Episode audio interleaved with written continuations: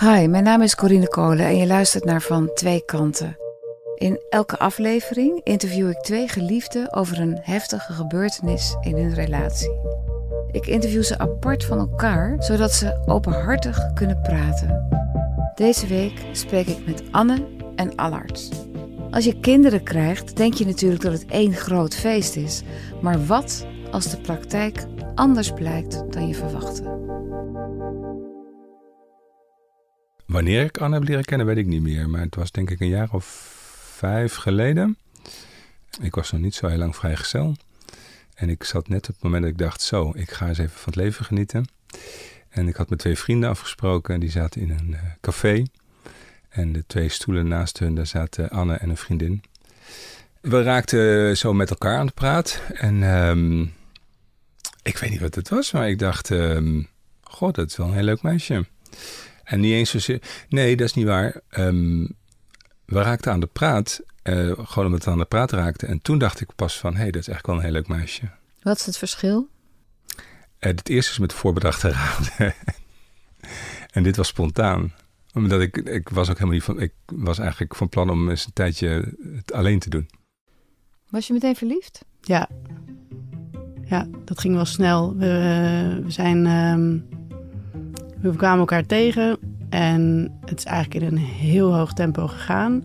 Ik zou um, uh, die kerst naar mijn vader in Zuid-Afrika gaan. En ik zei een beetje gekscherend, na twee weken ga je anders mee. En hij zegt, dat is goed. Ik zeg, dat bluff je? Hij zegt, nee hoor. En hij boekte een ticket en hij, uh, hij vloog me achterna. En meteen met mijn vader aan tafel geschoven. Dus dat was wel meteen heel snel. Haar broer vroeg op een gegeven moment... Um, hebben jullie nu iets? En toen zei Anne, oh, daar hebben we eigenlijk helemaal niet over gehad. Dus we zijn eigenlijk vanaf het moment dat we elkaar tegenkwamen... niet alleen maar bij elkaar geweest, maar ik heb ook geen moment gedacht... moeten we nu officieel zeggen dat we bij elkaar zijn? Dus we waren vanaf dat moment waren we samen. En ik denk dat we al binnen een half jaar samen een huis bezichtigden en kochten. En uh, dat ging allemaal in een heel rap tempo. Maar waarom zo snel? Ja, omdat het alles goed was. Volgens mij is het meer zo dat in die eerste paar weken van de, zeggen, de magie van de liefde, daar ben je helemaal niet met dat soort vragen bezig, maar dan is het gewoon zo. En pas na een maand of anderhalve maand, dan komt ineens het besef van, oh wacht eens eventjes, misschien is dit, wel, is dit het wel. En dan komen ook de eerste momenten dat je denkt, oh ja, ze, ze laat ook gewoon s'nachts scheten. Ik noem maar even wat.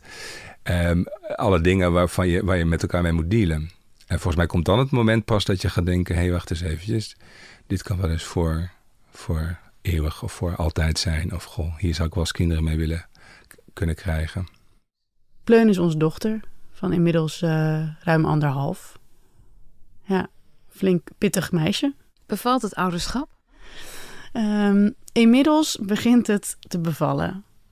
Uh, het ouderschap, hoewel heel veel mensen zeggen: Oh, hè, wat is dat? Kind, kinderen zijn leuk. Nou, dat, dat, daar ben ik niet helemaal mee eens. Waarom niet? Nou, ik denk dat een kind uh, krijgen of een kind hebben bijzonder is. Uh, maar ook, ze nemen ook alles weg wat er was eigenlijk. Nou, kijk, ik had natuurlijk, ik had de ervaring al. Dus ik had natuurlijk wel een beetje een voorsprongetje. Um, en ergens dacht ik, omdat ik ouder ben en het al een keer heb meegemaakt. Hoeveel het, ouder ben jij? We schelen 15 jaar. Maar het idee dat, dat ik, omdat ik ouder ben, en al een kind heb, dat het makkelijker zou zijn, dat is dus een illusie. Kijk, als vrouw kan je wat minder goed terugtrekken, omdat helemaal als een kind klein is, dan vraagt het gewoon letterlijk gewoon borstvoeding en zorg. Dus als man kan je er nog wel redelijk onderuit komen. En als je ervoor kiest om dat niet te doen, dan is je aandeel gewoon groter. Dus dat betekent dat het gewoon letterlijk tijd kost en zorgen en gewoon meer, dat je er meer mee bezig moet zijn onze relatie werd na de geboorte van Pleun ongelijk. Eh, ik denk dat we een hele gelijke relatie hadden voor Pleun. En dat verandert gewoon. Want je bent zeker als moeder op het begin, of nou, je, ik werd als moeder op het begin uh, nou, behoorlijk hormonaal. En um, ik was zo bang dat ik het verkeerd deed. En daarnaast was Pleun een behoorlijke huilbaby. Pleun heeft nogal moeite met slapen. Dat is uh, al vanaf begin af aan geweest. Vanaf het eerste moment dat ze eigenlijk uh, ter wereld kwam. De eerste nacht in het ziekenhuis wilde ze ook niet slapen. Eigenlijk slaapt ze het liefst nog steeds bovenop me.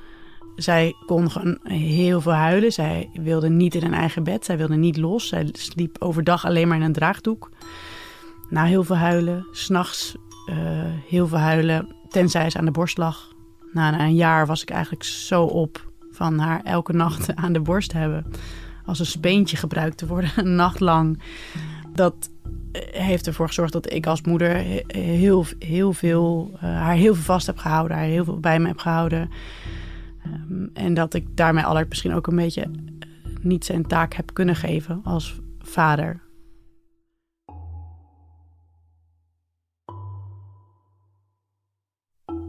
Was het een was, uh, Pleun een huilbaby? Huilde ze veel? Meer dan gemiddeld?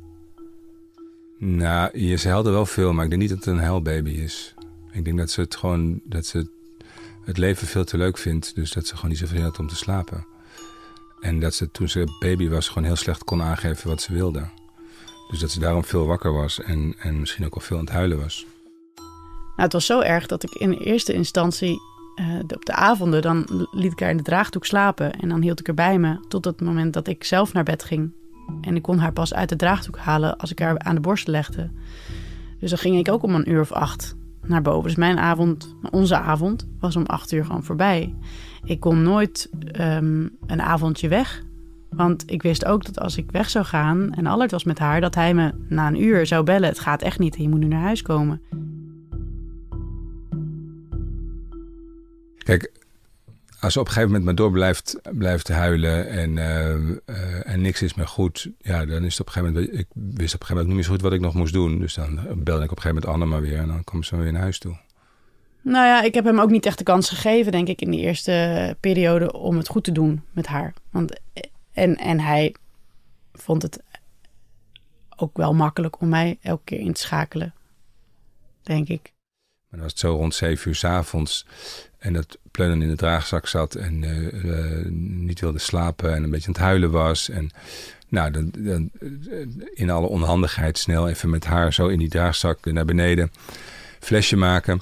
En uh, nou, dat, dat wilde ze dan niet. En, en doorhuilen. En ik dacht, oh, dat, oh, dan, maar dan moet ik misschien maar met naar buiten. En dat, ergens als, we, als je met haar ging lopen, dan werd ze wel wat rustiger. Dus de wanhoop of de stress kwam omdat ik dacht, ik moet in beweging blijven. Dus dan liep ik soort met mijn jas dan, die net iets te klein was, die probeerde ik dan over haar heen te trekken. Zo met mijn schoenen nog half open. Beetje zo rondjes door de straat. Omdat ik dacht, als ze helemaal slaapt, wil ik ook weer snel naar binnen. Dus, het, dus misschien hebben de buren ook wel gedacht, die gast die loopt hier voor de vierde keer voorbij. Wat is er aan de hand? Ergens denk, dachten we toen zeker met zo'n kleintje van wat is er aan de hand? En het soort onmacht en je weet echt niet meer wat je moet doen. En ik kwam dan wel eens thuis en dan had hij haar in de draagzak en dan had hij iets van hier, hier heb je er. En dan, dan of dan werd, werd hij boos en dan werd ik weer zo verdrietig ervan. En dan stopte ik haar in die draagzak en dan liep ik naar buiten met mijn spullen en dan... Of dan stapte ik in de auto richting mijn moeder. Uh, omdat ik dan dacht, ja, we moeten hier gewoon uit deze situatie. Want dit, dit, dit is zo'n ellende gewoon. Want we, we komen hier gewoon niet uit met Pleun. Maar je lachte nu al, maar toen niet. Nee, maar je moet ook een beetje kunnen zelf relativeren, toch? Kon je dat toen ook? Nee, zeker niet. Maar vertel eens iets over, want je houdt je steeds heel erg in, heb ik het idee. Vertel eens iets over die, want over, nou, ik weet niet hoe, hoe jij het wil noemen, paniek, wanhoop, uh, dat je... Ja, nee, dat snap ik wel, maar pff, ja, jeetje.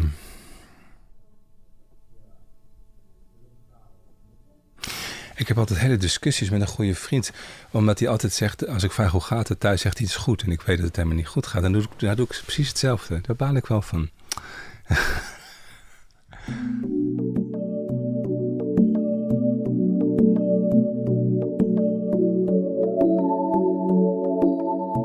Op het begin hadden we dan bedacht dat we haar echt wel in bed zouden leggen. En ik had heel veel boeken uit de bibliotheek gelezen daarover podcast geluisterd. Echt alles. Ik was een soort expert op het gebied van slaapproblemen van kinderen. En we hadden een ledikantje op onze slaapkamer. We hadden een co-sleeper. We hadden nog een ledikantje op haar kamer. We hadden overal bedjes, zodat we het overal zou, nou ja, zouden kunnen proberen. Want je hoopt dat zo'n bedje de oplossing is. Dat je dan weer een nieuw bedje koopt. En ik dacht, ik ga er nu in bed leggen. En ik ik ga volhouden en ik ga er niet in een draagdoek of een draagzak houden. Dan huilt ze maar uren en ik blijf er gewoon bij. En ik, ik, als ik erbij blijf, dan is het niet onveilig. Ik legde haar in haar eigen kamertje, was een overdagslaapje, want ik had gelezen dat het beter was om te beginnen met de dagslaapjes. Ik legde haar in het bedje, maar ze werd echt hysterisch op het moment dat ze dat bedje maar zag en ze erin gelegd werd. En ze was echt in alle staten. Nou, in eerste instantie dacht ik, nou, uh, ik ga naar beneden, ik laat er wel. En dat ik weer, dat ik dacht, nee, dat kan ik ook niet. Terug naar boven. Oké, en op een gegeven moment ben ik er bijgekropen in dat ledikantje dat ik dacht, nou, dan slaapt ze toch in haar eigen bed. En dan voet ik er wel in dat bedje in slaap en dan kruip ik er daarna uit. En toen kwam Allard thuis en die troffen ons samen in dat ledikantje aan. Ik zo met een borst half uit mijn t-shirt, zij half in slaap. En het was zo'n bizar beeld. En ik kon er helemaal niet uit. En toen dacht ik, oké, ik ben nu echt gevangen geworden van, me, van mijn kind. Ja, en, en in antwoord op je vraag van wat, wat, wat voor vrouw zie je dan? Naast, naast mijn geliefde is ze ook ineens moeder en, eh, en verzorgende. Dat is ik misschien wel het heftigste. Dat als, als geliefde, dan sta je naast elkaar. En eh, als man, en dat vinden als man allemaal erg fijn, zijn we, zijn, we, zijn we op de eerste plek bij de vrouw. Maar als dat kindje komt, dan ben je die plek even kwijt. En dat is natuurlijk hartstikke lastig. Dus dat speelt ook. Dus ik moet, er ook, ik moet ook gewoon eventjes nou, mijn plek weten of eventjes genoegen nemen met een, met een tweede plek. Was je jaloers op Pleun? Ja, maar op een andere manier. Dus, dus, dus hierin was ik niet zozeer jaloers op Pleun, maar was ik meer naar Anne toe. Dat ik dacht, hey, wat fuck, ik ben je man en uh, geef mij eens aandacht.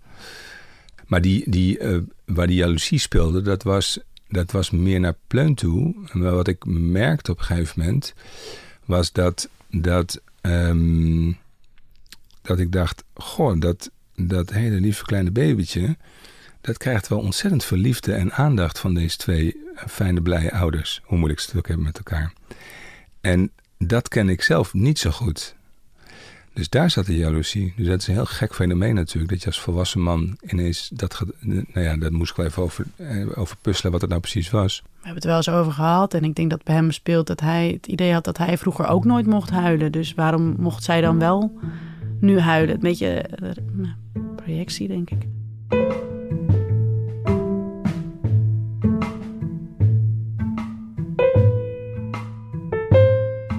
Mijn vader goed kon, was zorgen dat, dat, de, dat het in de vorm goed stond. Hè? Dus geld in huis, ja, alle omstandigheden die goed zijn. En, en dat mijn vader niet zo goed kon, was om er te zijn en om, uh, nou ja, vooral als, als vader naar een zoon toe uh, ook bepaalde waarden mee te geven. dat is wel iets wat wat ik heb gezien en van ik denk dat wil ik wel anders doen. Maar doe je het ook anders? Ja, dat zou eigenlijk straks aan Pleun moeten vragen, hè? Als ik dacht, ja, zoek het maar lekker uit, uh, los het maar op, was ik ook weer zo bang dat hij uh, boos zou worden omdat zij zou huilen. Want hij kon daar heel slecht tegen als hij moest huilen. Hoe reageerde hij dan? Ja, boos. Op wie? Op haar? Op haar, ja. En op mij. Hij, werd, hij, kon daar niet, hij kon daar niet tegen. En ik denk dat dat. Ik kon er ook niet tegen als ze huilde, maar ik voelde me schuldig. En ik had het gevoel dat ik iets moest doen. En hij um, werd er boos van ergens. Ik kwam dan, dan dus toch terug. Omdat ik ook wel wist dat, uh, of wist, ik, ik was bang dat, dat als ik niet terug zou komen, dat hij haar in bed zou leggen en gewoon de deur dicht zou doen en haar zou laten huilen. Wat zou er dan gebeuren? Ja, dan zou ze, als ik, ja, ik was altijd bang dat als we haar zouden laten huilen in bed, dat ze slecht gehecht zou raken. En dat ze later nooit een relatie aan zou kunnen gaan. En dat ze alleen maar meer zou huilen en in de stress zou schieten. En dat ze. Ik was zo hormonaal als wat natuurlijk. Kijk, je kan zeggen: Goh, er is een kind aan het huilen. En als je allebei niks doet, nou ja, dan moet het kind het zelf oplossen. Maar als, als ik zou zeggen, nou ja, laat hem even huilen. En Anne die zegt, dat wil ik niet. Ja, dan, dan is zij toch altijd degene die, als, die eerder dat oppakt. En, uh, en waarom? Dus, waarom ze dat doet. Nee, maar waarom zij dan degene is die dat oppakt? Jij kan het ook zijn, toch? Ja, maar ik doe het niet.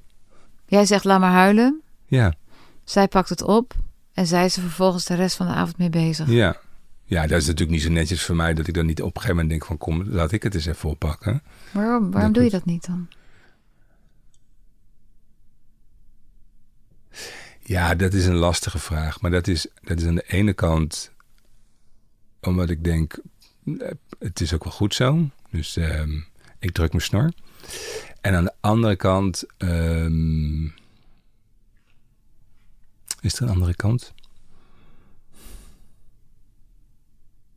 En aan de andere kant, omdat ik, het, omdat ik het soms ook, en dat is het nu, maar aan het begin, vooral die eerste negen maanden, ook dacht, ik weet het echt niet. Ik bedoel, kan wel naar boven gaan, ik kan het wel overnemen, maar ik bedoel, het gaat toch niet helpen. Dus, ehm, en misschien is het ook wel iets eh, wat, we, wat we als man hebben, dat we daar nooit helemaal goed onze rol in kunnen pakken. En dat zeg ik niet om het te vergoeilijken, maar met zo'n ontzettend klein wezentje, wat negen maanden in die buik heeft gewoond. En dan heeft ze die eerste, eerste paar maanden alleen nog maar moedermelk mee. Ja, wat denk ik dat ik te betekenen heb? Is toch helemaal niks? Ik kan er zijn voor mijn vrouw en zorgen dat inderdaad hè, dat het warm is en droog en eh, dat er geld, eh, dat, het brood op de plank is en dat ik heel goed kan ondersteunen. Maar dat, dat, dat, ergens, ergens geloof ik, dat geloof. En da- daarmee probeer ik niet mijn rol eh, te, te zeggen van ik hoef niks te doen. Maar ik vind het ook wel, denk ik, god, wat, wat, wat kan ik daar nou in betekenen? Maar ja, hij, hij heeft ook niet echt... eh, want op een gegeven moment heb ik gezegd... ik wil nu echt dat er iets gaat gebeuren. Want ik, ik kan dit niet langer. Ik ben gewoon op. Ik, ik viel eh, af bij het leven... omdat ze me gewoon echt leeg zoop. Gewoon. Ik, ik woog op een gegeven moment vrij weinig meer. En toen heb ik gezegd... ehm, als zij na, die, na deze maand nog steeds niet in een eigen bed kan slapen... en zonder mij in slaap kan vallen... dan wil ik eh, professionele hulp gaan inschakelen. En eigenlijk was ik daar veel te laat mee. Die hele slaapcoach, nou, dat was op zich wel aardig, omdat het wel iets hielp in de structuur.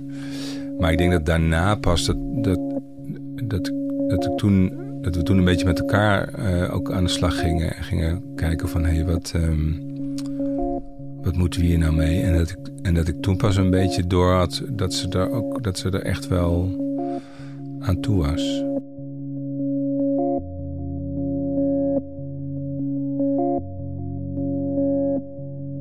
Het was eigenlijk wel op het moment dat we dus het hele proces ingingen van ze moet nu gewoon alleen leren slapen zonder bij mij aan de borst te liggen en zonder dat, dat ik daar ja, haar het geheime wapen geef. Eh, dat kon ik niet. Ik weet nog dat dat was een eerste avond dat we, ik zei nou dan ga ik er nu op bed leggen en ik ga haar niet aan de borst leggen. Nou, ik denk dat ik na vijf minuten huilend beneden op de bank zat. Ik zei, ik kan dit niet. Ik kan het gewoon niet. En dat was voor hem wel een moment dat hij kon zeggen, oké, dan doe ik het. Dus hij kon toen nou, eigenlijk eh, de held uithangen. En eh, dat was zo fijn dat hij eigenlijk toen de kans kreeg om, eh, om te laten zien van dan doe ik het. En dat, dat ging eigenlijk heel goed. Hij kwam binnen no time beneden, zei ze slaapt. Nou, de, toen hebben we de, de dagen daarna ook gedaan. En nog steeds wel eens. Maar ik moet mezelf daarin trainen dat ik het niet steeds meer oplos nu. En ik kan dat steeds beter. En Allard wordt daardoor steeds een betere vader. En dat is iets wat je moet leren, volgens mij. Ouder zijn samen. Waar je het eigenlijk nooit over hebt eh, met elkaar, maar ook niet met andere ouders, is dat, dat kinderen bijvoorbeeld niet slapen. Of ehm, dat je het eigenlijk nooit met elkaar hebt over hoe zwaar het eigenlijk is. Of dat het misschien wel eens anders kan zijn dan je had, had verwacht. Eh, dus dus pas, pas als je zelf dat gaat noemen, dan zeggen andere ouders: Oh, dat hebben wij ook. Of oh ja, dat. Maar dat zomaar met elkaar bespreken, dat doe je eigenlijk niet. Dus het moet allemaal mooi en goed zijn en het, en het, en het loopt, als- loopt als een trein. Waarom zou dat zijn? Keeping up appearance. Nou, het was laatst. En dat zijn ook wel van die gedachten waar je dan ook weer schuldig over voelt. Dat is helemaal erg, hè? Dat je dus soms denkt... oh, wat was het heerlijk geweest als ze er gewoon niet was geweest. Ja, een heel, hele foute gedachte. Natuurlijk- dat kan je gewoon niet zeggen. Dat kun je- mag je niet eens denken eigenlijk. Of hè, dat mag je van jezelf niet denken. Maar het, het geeft wel zo aan dat je af en toe ook zo verlangt naar het moment dat je nog geen, dat je die zorg gewoon nog niet had en dat je die verantwoordelijkheid nog niet had. Ik bedoel, bij de kraamweek vertellen ze al van eh, als je je kind echt een keertje zat bent, moet je niet gaan schudden, want dat is slecht. En dan moet je ze gewoon neerleggen en dat heet eh, met shaken baby syndrome. Ik bedoel, het, het wordt al uitgelegd. Dus ik denk dat heel veel mensen helemaal gek worden van het gehuil. En van die eerste periode. Dat je gewoon niet weet hoe het je moet doen. Ja, valt het je tegen? Het hernieuwde ouderschap? Nee, nee, absoluut niet. Nee, ik vind het wel, wel honderd keer zwaarder dan ik had gedacht. En ik eh, dacht in al mijn eenvoudige wijsheid dat ik het, dat, dat ik het wel aan zou kunnen. En het kan het ook wel aan. Maar het is ook echt wel heel veel. Maar het is ook wel echt wel super. Zou je het weer opnieuw doen? Uh, dat, dat weet ik wel zeker, ja. Wil je dat, nog uh, een tweede kind met Anne? Ja, ja. Ja, lijkt me fantastisch. En ik weet dat het ook weer net zo zwaar gaat worden. En dat we de eerste paar maanden ook gewoon weer hier ontzettend hard tegenaan lopen. En, um, en ik weet ook dat, dat het voor Anne zwaarder is dan voor mij. Zou je, als je nu opnieuw de beslissing zou moeten nemen, zou je weer een kind krijgen? Ja, ja. Ook met Allard? Ja. En ik denk ook zeker wel dat we, dat we er nog eentje willen. Al is het alleen maar zodat Pleun niet alleen blijft. Want alleen is het echt uh, een verwend nest, wordt het. Ik denk zeker dat we het wel nog een keer... maar ik, ik denk wel dat ik hem eerder um, uh, zou zeggen... Uh, we moeten dit samen doen en ik wil dat jij ook je verantwoordelijkheid hierin neemt. En het niet zelf allemaal proberen op te lossen. Want ik denk dat we er allebei gek van werden. En ik denk dat Pleun en hij misschien ook wel gek werden van mijn wispelturigheid daarin. Ik denk niet dat je je op ouderschap kan voorbereiden. Ik denk dat dat echt een grote illusie is. Ik denk dat, um, dat, dat, dat uh, kinderen uh, uh, precies op de plek terechtkomen, daar waar je als ouders nou net niet wil dat ze terechtkomen. En dat je daarmee te doen hebt. Dus, het is, dus dat, dat geloof ik niet. Dus vandaar dat ik denk, als er nou nog een tweede zou, zou komen, dan gaat hij het net weer zo doen dat, dat we daarmee moeten. Dan zal het vast een jongetje worden die precies op zijn vader gaat lijken. Nou, dat lijkt me nog veel erger. Want, hoe is hij dan? Stront eigenwijs. En lui. En lui, ja. ja. En eigen gereid. En denkt hij het allemaal beter weet. Dus, dus dat wordt... Nee, ik denk dat je dat het enige waar je op kan voorbereiden met kinderen...